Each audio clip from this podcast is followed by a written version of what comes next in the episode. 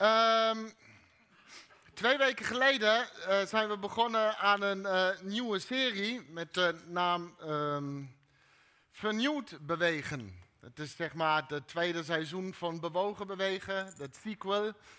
En ehm, we kijken naar de nieuwe wegen die Jezus ging.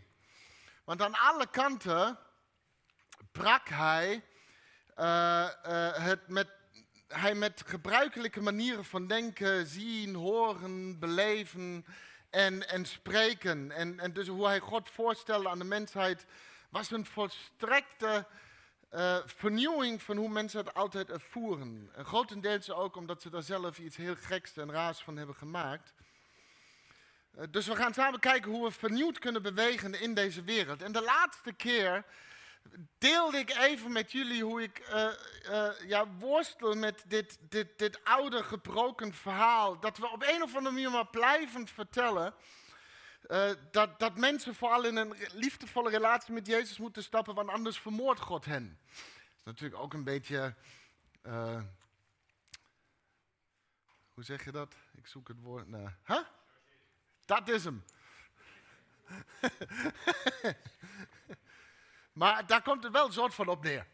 Um, en, en dit verhaal dus, hè, dat, dat al eeuwen ons verhaal is, dat je zondig bent en daarom ging Jezus aan het kruis uh, sterven. En, en voor eeuwen lag de nadruk met name op een juridische eis die Jezus daar vervulde.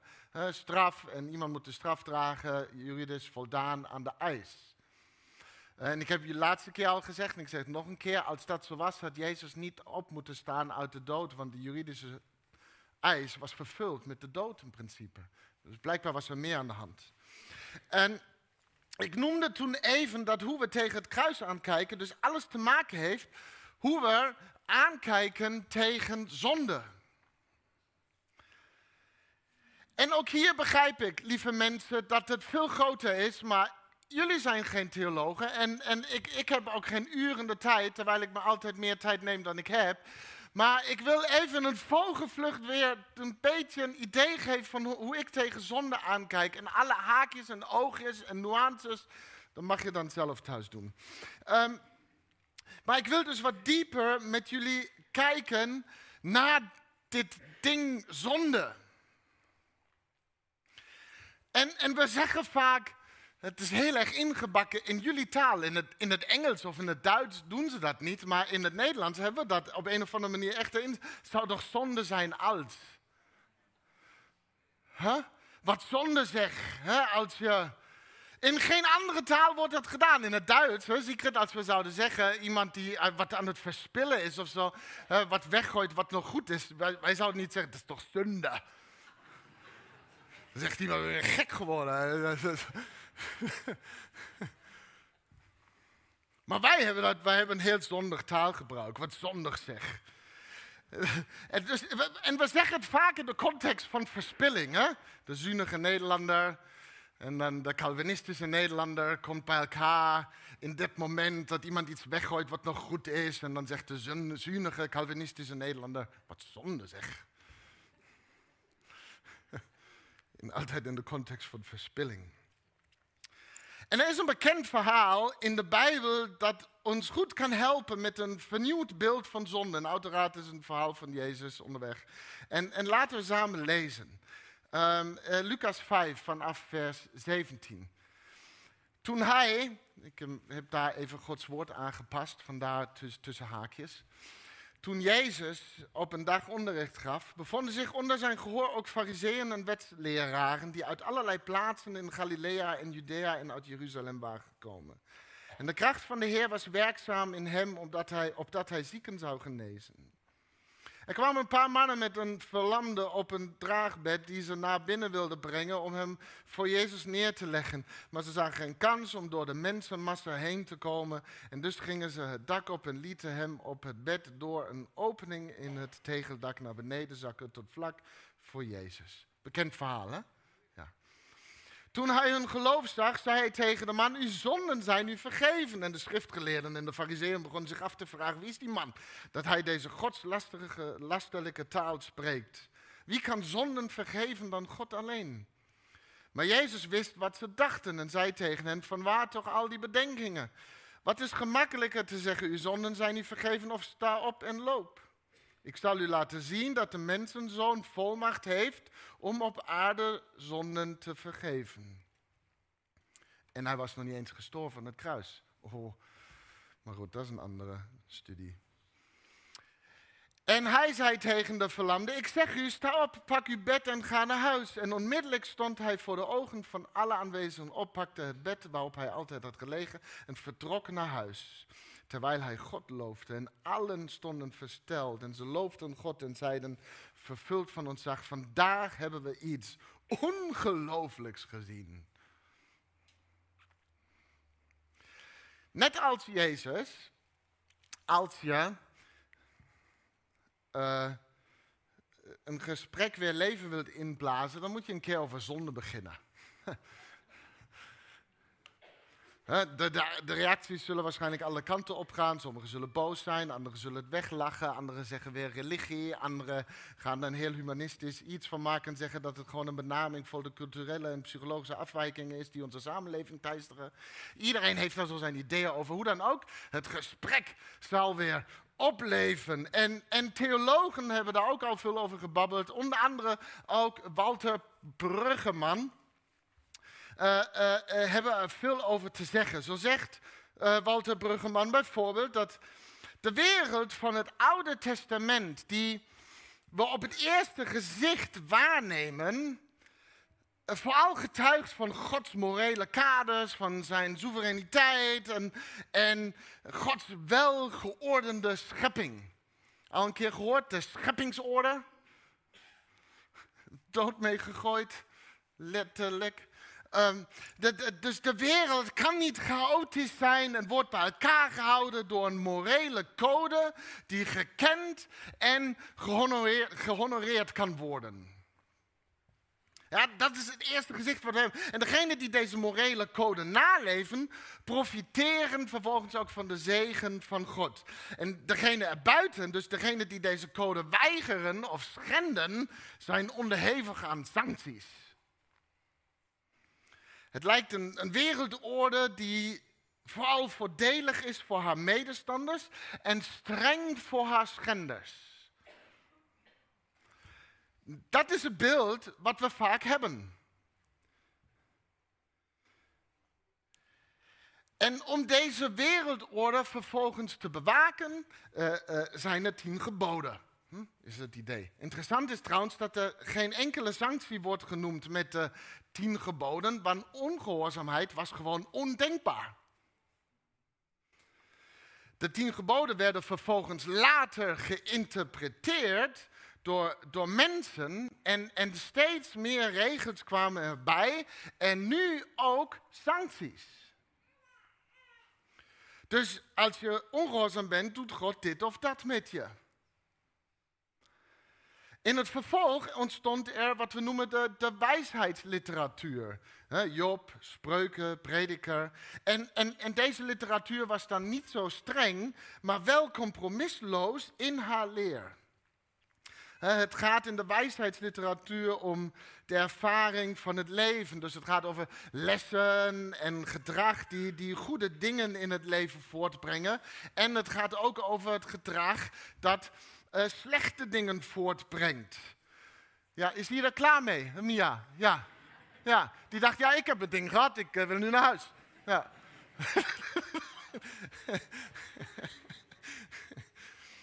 we kunnen gaan, ik ben gezegend. Waar wachten we op? Ja. Maar goed, dus in de wijsheidsliteratuur zien we ook veel lessen en, en dingen, dus gedrag die dan dat, slechte dingen voortbrengt. En deze sancties, als het ware, komen dan niet door God, maar de mens roept het zelf op zich af. hoe vaak hebben we die al gehoord, hè? En Bruggeman zegt dus dat er een morele orde of een morele code ontstond die vooral te maken had met daadconsequentie of met zonde dus en straf. Daad, consequentie, zonde, straf. En, en dit werd door de tijd heen steeds meer de status quo. het is deze morele orde die de fariseeën en, en wetsleraren met alle macht bewaakten. Ze zeggen letterlijk, wie is die man dat hij gaat rommelen met, met die wereldorde? Bruggeman zegt trouwens nog veel meer over de God van het Oude Testament. Hij zegt ook dat hij juist een God is van vergeving en genade en barmhartigheid. Het is de God van Psalm 103. Liefdevol en genadig is de Heer. Hij blijft geduldig en groot is zijn trouw. Niet eindeloos blijft hij twisten, niet eeuwig duurt zijn toorn. Hij straft ons niet na onze zonden. Hij vergeldt ons niet naar onze schuld.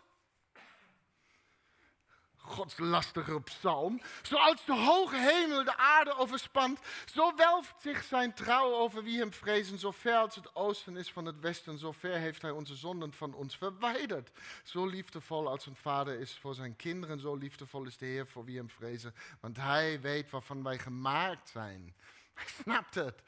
Hij, hij vergeet niet dat wij uit stof zijn gevormd, zegt de schrijver van Psalm 103. Dus Bruggeman zegt dat deze kant van het karakter van God vaak niet wordt gezien vanwege de stereotypes en karikaturen die we hebben gemaakt van het Oude Testament. Maar in zoveel verschillende momenten zien we God ingrijpen in het Oude Testament en handelen vanuit compassie. En deze compassie van God is de ultieme manier om de zonde straf- en daadconsequentiestructuren af te breken. Maar we blijven toch maar dit oude, beperkte en gebroken verhaal vertellen, want het is makkelijk. En de middeleeuwen en controle uitoefenen enzovoort hadden daar ook nog iets mee te doen. Er is dus veel meer aan God dan alleen morele controle. In een wereld als de onze, die zo gekenmerkt is door geweld, barbaarsheid, angst en zelfhaat, is het geen slecht idee, denk ik, om een God te kennen die weigert om zich te conformeren aan onze verklarende codes, onze gebroken verhalen. Dus Jezus kwam en zei: Er is een nieuwe weg. Weet je wat? Je zonden zijn je vergeven. Maar Jezus vergaf de man in, in, in het verhaal, ik hoop dat we dat snappen, niet zijn ziekte die als een consequentie van zonde werd gezien. Jezus rekende hier met een hele wereldorde af. Een, een, een oud, gebroken verhaal. Weet je, in, in, in vele opzichten hebben we de Bijbel, de, de, hele boodschap van het evangelie, uh, gereduceerd gereduceerd tot dit beperkte, gebroken verhaal van, van zonde, straf en, en daad, consequentie. En, en sindsdien bidden we ook voor het eten niet omdat wij het verdienen, maar om Jezus wil. Wie bidt het nog? Niemand meer. Nee. Jawel, I know you. Het is een gebed dat ten diepste voortkomt uit een gebroken verhaal.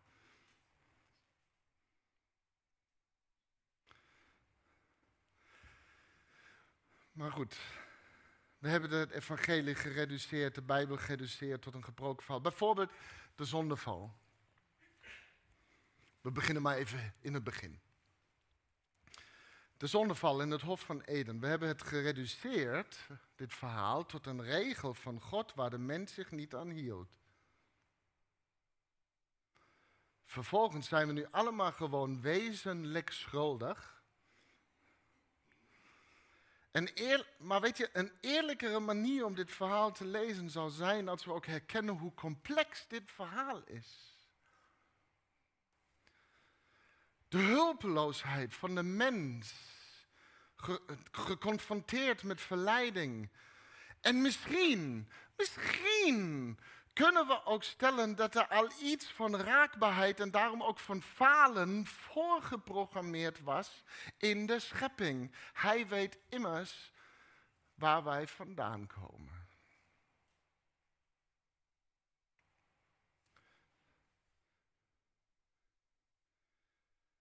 Dus het begin laat ons juist zien dat er meer is dan alleen dit gereduceerde verhaal.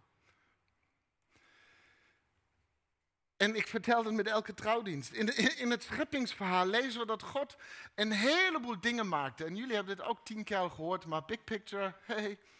Eh, dus God maakte een heleboel dingen. En elke keer dat hij iets maakte, keek hij erna en zag dat het goed was.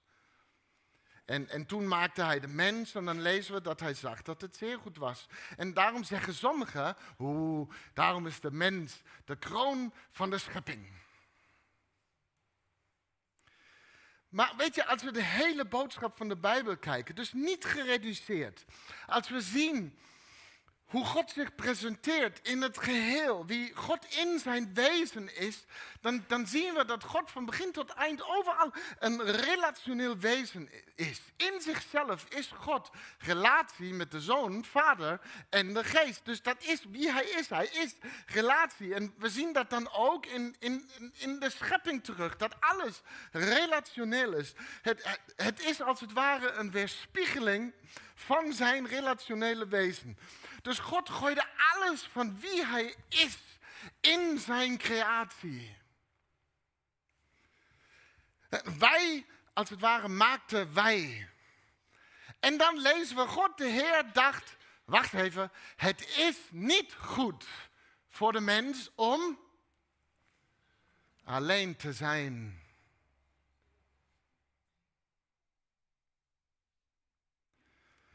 Dus God maakte heel veel en het was goed. Maar het was niet goed dat de mens alleen is. Dus maakte God mensen. Meervoud. En pas toen zag hij dat het zeer goed was. Dus de kroon van de schepping is niet de mens in zichzelf, maar het vermogen in de mens voor relatie. Op het moment dat God zichzelf terugzag in wat hij maakte, dacht hij, nu is af.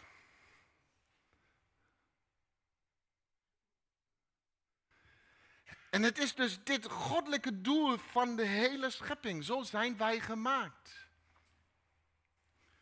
Dus let op, wat is dan de zondeval? Volgens mij niet aan het gebod van God gehouden. Dat, dat is het niet. Dat is de daad, de uitwerking. Maar wat is de intentie achter, de, motivatie voor de daad? Dus reduceer het niet. Kijk, kijk even verder, kijk, kijk dieper. Wat is de zonde? De zonde is dat terwijl wij het vermogen hebben gekregen voor een relatie, wij daardoor ook altijd het vermogen moeten hebben om relatie niet nodig te hebben.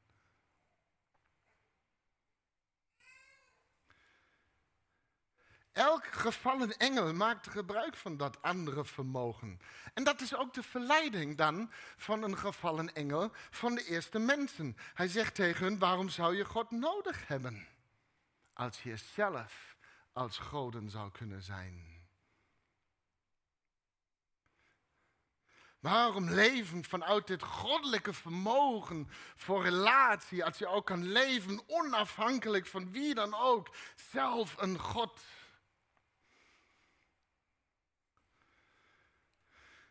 Dus de zonde is niet de ongehoorzaamheid aan de regel. De zonde is dat, er, dat ze ervoor kozen om vanuit dit andere beperkte vermogen te leven. Wat zonde zegt.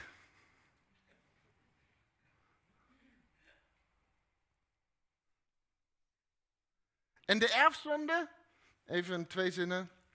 Nou, de erfzonde is dan niet dat zij iets verkeerds hebben gedaan en jij nu sorry, dat jij nu sorry moet zeggen voor hoe slecht jij bent.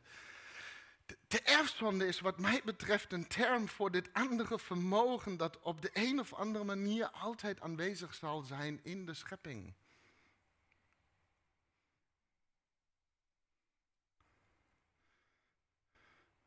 Zonde is, is gaan van leven waarin we het alleen doen, waar we vinden dat, het, dat we het alleen kunnen controleren, dat we anderen niet nodig hebben, als je maar de regeltjes volgt en deze oude wereldorde erkent.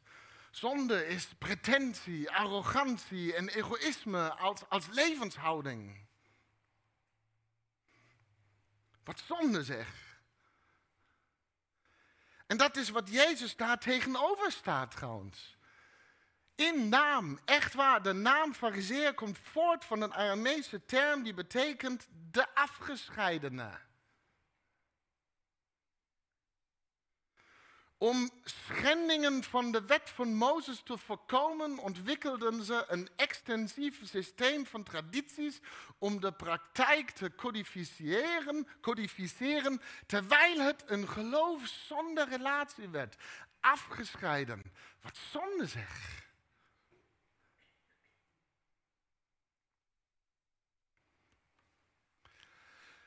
Dus, zonde uit zich altijd in, in gebrokenheid in een relationele sfeer. Het uit zich altijd weer in schade toegebracht aan de relatie met God, met een ander of met jezelf. Zonde in zichzelf is heel relationeel.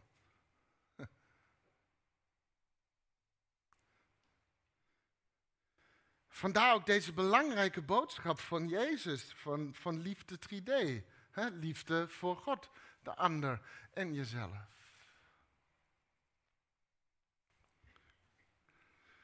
Zij was een relationele tegenhanger. Als het alleen daad en consequentie zou zijn, weet je, dan, dan kan ik hier nu iemand in de zaal in het gezicht slaan er vervolgens enorm veel spijt van hebben, mij dan hier straks op het altaar gooien, om vergeving vragen en opgelost. Terwijl jij daar nog steeds zit met mijn vuistafdruk of jouw snuffert. Ik, ik ben vergeven voor mijn daad. Hele heel individualistisch vergeven, dat, is allemaal onderdeel van dit daad-consequentiesysteem. En zo lezen we dan ook vaak het Nieuwe Testament. We lezen het vaak met een dadermentaliteit. Oh, nu wordt het erg. Wij lezen het als degene die spijt hebben van iets dat ze hebben gedaan en dan nu even kijken hoe we verlossing kunnen ontvangen. Theologie weerspiegelt dan ook veelal deze mentaliteit door te verkondigen dat we een oplossing hebben gevonden. Doe dit en dat, dit en dat niet meer en alles wordt oké. En zo heeft zich steeds meer een gebroken verhaal ontwikkeld dat zich vooral richt op de dader en zijn vergeving. terwijl het slachtoffer volstrekt over het hoofd wordt gezien. Ook dit is dus een resultaat van de Bijbel reduceren tot een daad-consequentieleer. Het evangelie als een religie voor de machtigen, de daders.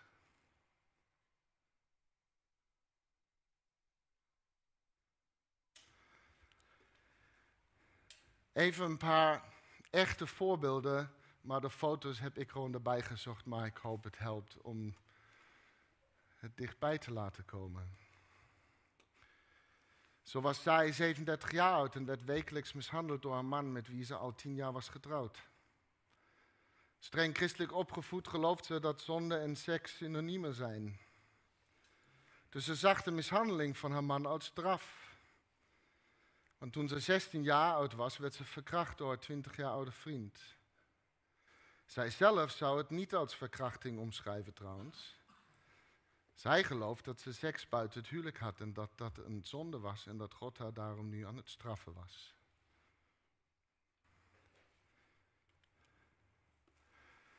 Drie jaar geleden werd hij HIV-positief gediagnosticeerd en hij maakte nu de bekende symptomen van AIDS mee. Hij geloofde wat die predikant zei over hem en duizenden andere homoseksuele mannen. Homo zijn is een zonde en en God straft hem nu ervoor.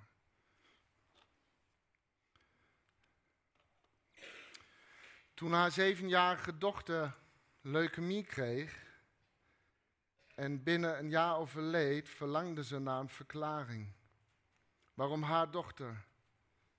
Nog concreter, waarom zij? Uiteindelijk beleed ze op een gegeven moment aan haar echtgenoot dat ze soms masturbeerde als hij op zakenreis was. En ze geloofde nu dat deze zonde de reden was voor Gods straf, dus het overlijden van haar dochter. En er zijn genoeg van, van dit soort gebroken verhalen. En die shit moet gewoon ophouden.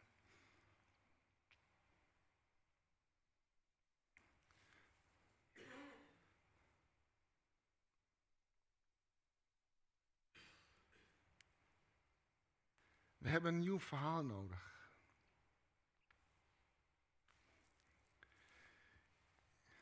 Jezus kwam met dat nieuwe verhaal, zoals we zien in onze tekst voor vandaag en vele anderen. En hij was voornamelijk bewogen met degene die onrecht werd aangedaan. Met degene tegen wie gezondigd werd. Het slachtoffer. Terwijl iedereen hen voor zondaar uitmaakte. Zo verknipt was het.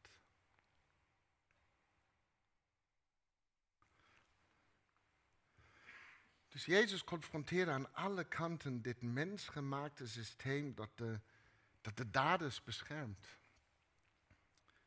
En het is dit systeem dat daar ter plekke in oproer kwam en riep: Wie is die man dat hij Gods lastige taal spreekt? Wie kan zonde vergeven dan God alleen? Nou, dit is wie hij is. Hij is de God die kwam om het vermogen in de mens voor relatie te herstellen. En ik zeg heel bewust te genezen.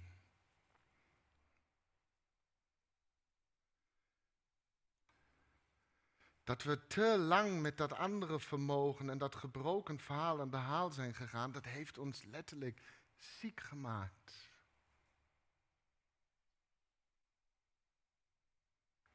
Dus hij kwam om het te genezen. En ik weet niet of je dit ooit hebt gezien in dit verhaal van de vier vrienden die een verlamde man bij Jezus brachten.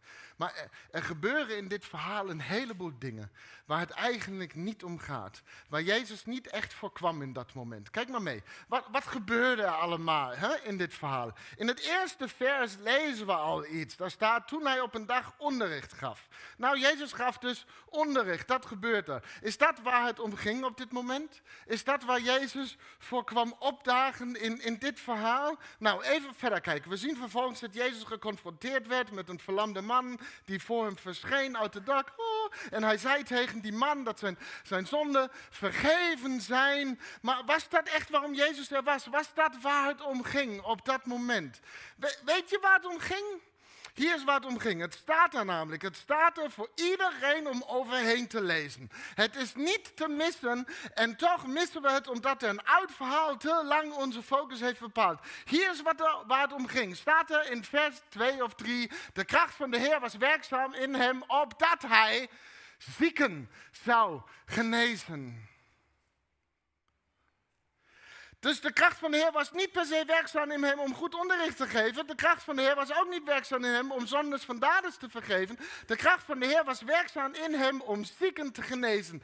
Om het vermogen voor relatie te herstellen in hen die buiten werden gesloten door een bekrompen systeem. In hen die verstoten werden door de machtigen die de regels maakten. In hen die de outsiders werden vanwege een gebroken wereldorde. Jezus kwam om dit vermogen in deze verlamde man die geen kant meer op kon, omdat hij in de ogen van de machtigen zondig was, te genezen, te herstellen.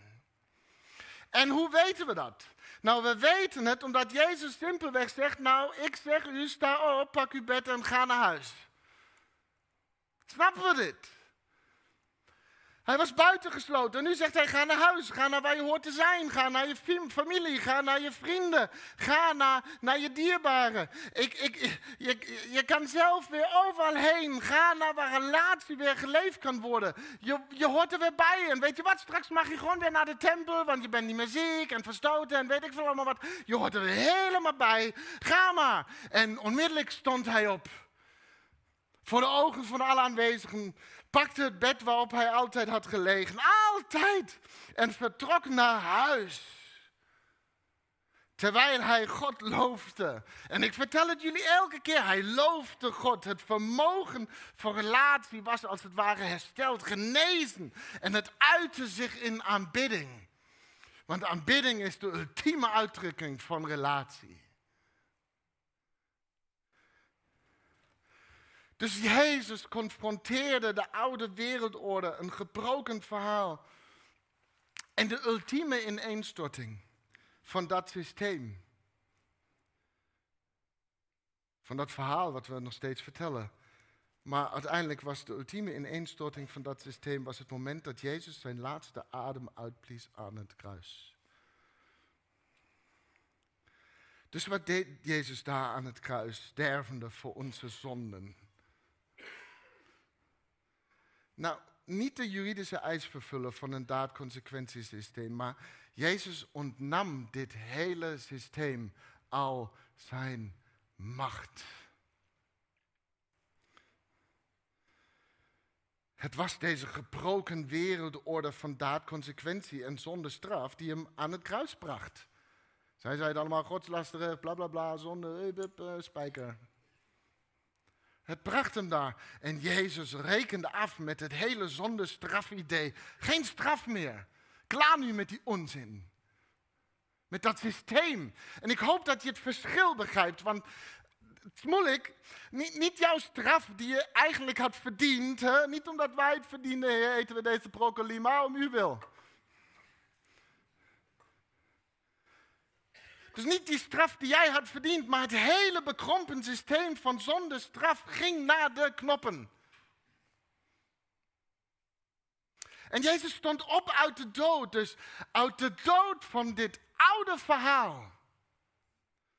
Zodat het vermogen voor relatie herstel kan vinden, genezing in een nieuw leven.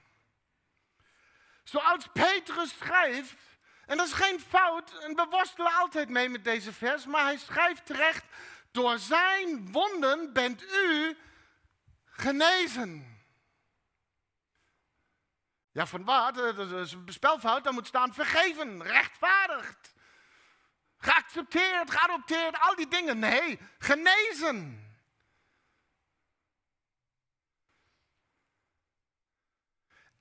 En, om het ook echt super duidelijk te maken, en dat, dat weten jullie van mij ook, dat heb ik ook zo vaak al verteld, maar ik vind het gewoon te leuk.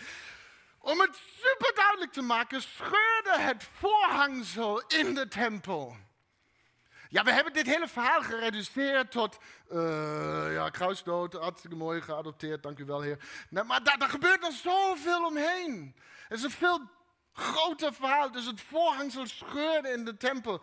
Waar dus altijd een, een wereldorde was en een systeem dat de toegang tot en de relatie met God controleerde. Waar altijd priesters en geleerden waren en machtigen die bepaalden wie erbij hoorde en wie niet. Waar altijd de focus was op de daden en zijn en haar vergeving. Was er nu een open altaar.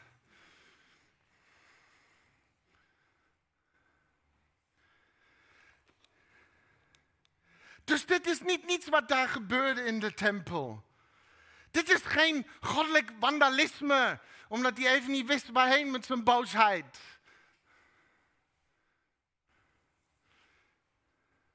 Het is een duidelijke boodschap. De hemel verscheurt als het ware het oude verhaal. Directe toegang tot God was de boodschap.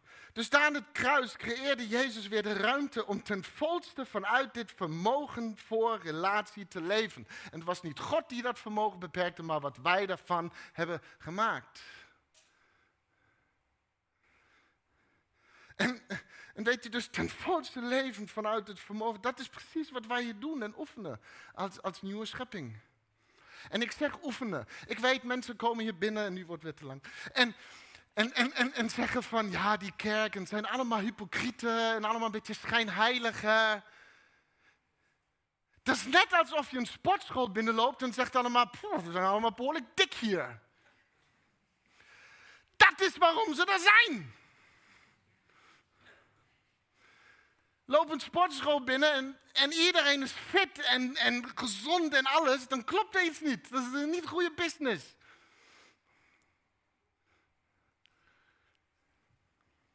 Dus wij oefenen dit hier. Dus als wij het dan ook hebben over bekering, ook zo'n mooi woord, dan is dat niet een verhaal over mensen en hun zonde als daders die vergeving nodig hebben opgelost. Het is veel meer dan dat. Ik zeg meer dan dat. We bekeren ons. Snap je dat? We, we keren ons. We, we keren ons toe. Naar dit leven dat leeft vanuit dit goddelijke doel van relatie. We wijden ons toe aan dit leven vanuit dit goddelijke vermogen. Dus, dus we gaan niemand met de dood bedreigen, met, met straf en oordeel. Dat is makkelijk, maar ik hoop dat er hier mensen binnen zullen lopen en jullie zullen ontmoeten. En zullen zeggen, wauw. Dat ze, dat ze hier binnenlopen is zo, luister goed. Dat, dat ze hier binnenlopen en zegt, dat, zien dat er zo'n bovennatuurlijke verbinding tussen ons allemaal is. Het nieuwe verbond noemen we het. Dat mensen zeggen, ongelooflijk. Wat we hier net hebben gezien. Oh, Wauw. Ik, ik heb nog nooit mensen zo zien liefhebben. En, je wil een andere manier dan mensen met de dood bedreigen, maar dit is het. Ik heb nog nooit mensen zo bewogen zien zijn met elkaar en hun omgeving. Ik, ik heb nog nooit mensen zo genadig zien zijn. Ik heb nog nooit mensen zo zien vergeven. Ik heb nog nooit mensen zo zien zorgen. Ik heb nog nooit mensen zo zien hopen. Ik heb nog nooit mensen zo om elkaar zien geven. Dat mensen hier binnenkomen, jullie ontmoeten en zo overweldigd zijn van een club mensen die zo sterk leven vanuit dit grote en prachtige vermogen voor relatie. Dat ze, dat ze ook willen. Niet omdat we ze bedreigen, maar dat ze vanwege wie wij zijn zich bekeren en zeggen, dit wil ik ook. Ik wil altijd dit, maar het is... Oh.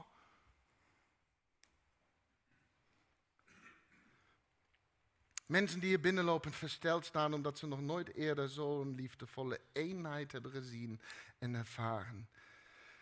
Dus mensen die ten volste vernieuwd bewegen vanuit het goddelijke vermogen voor relatie, creëren altijd nieuwe schepping. Alleen maar door te zijn zoals ze zijn gemaakt. Zou toch zonde zijn? Wat een verspilling als we het reduceren tot minder. Amen.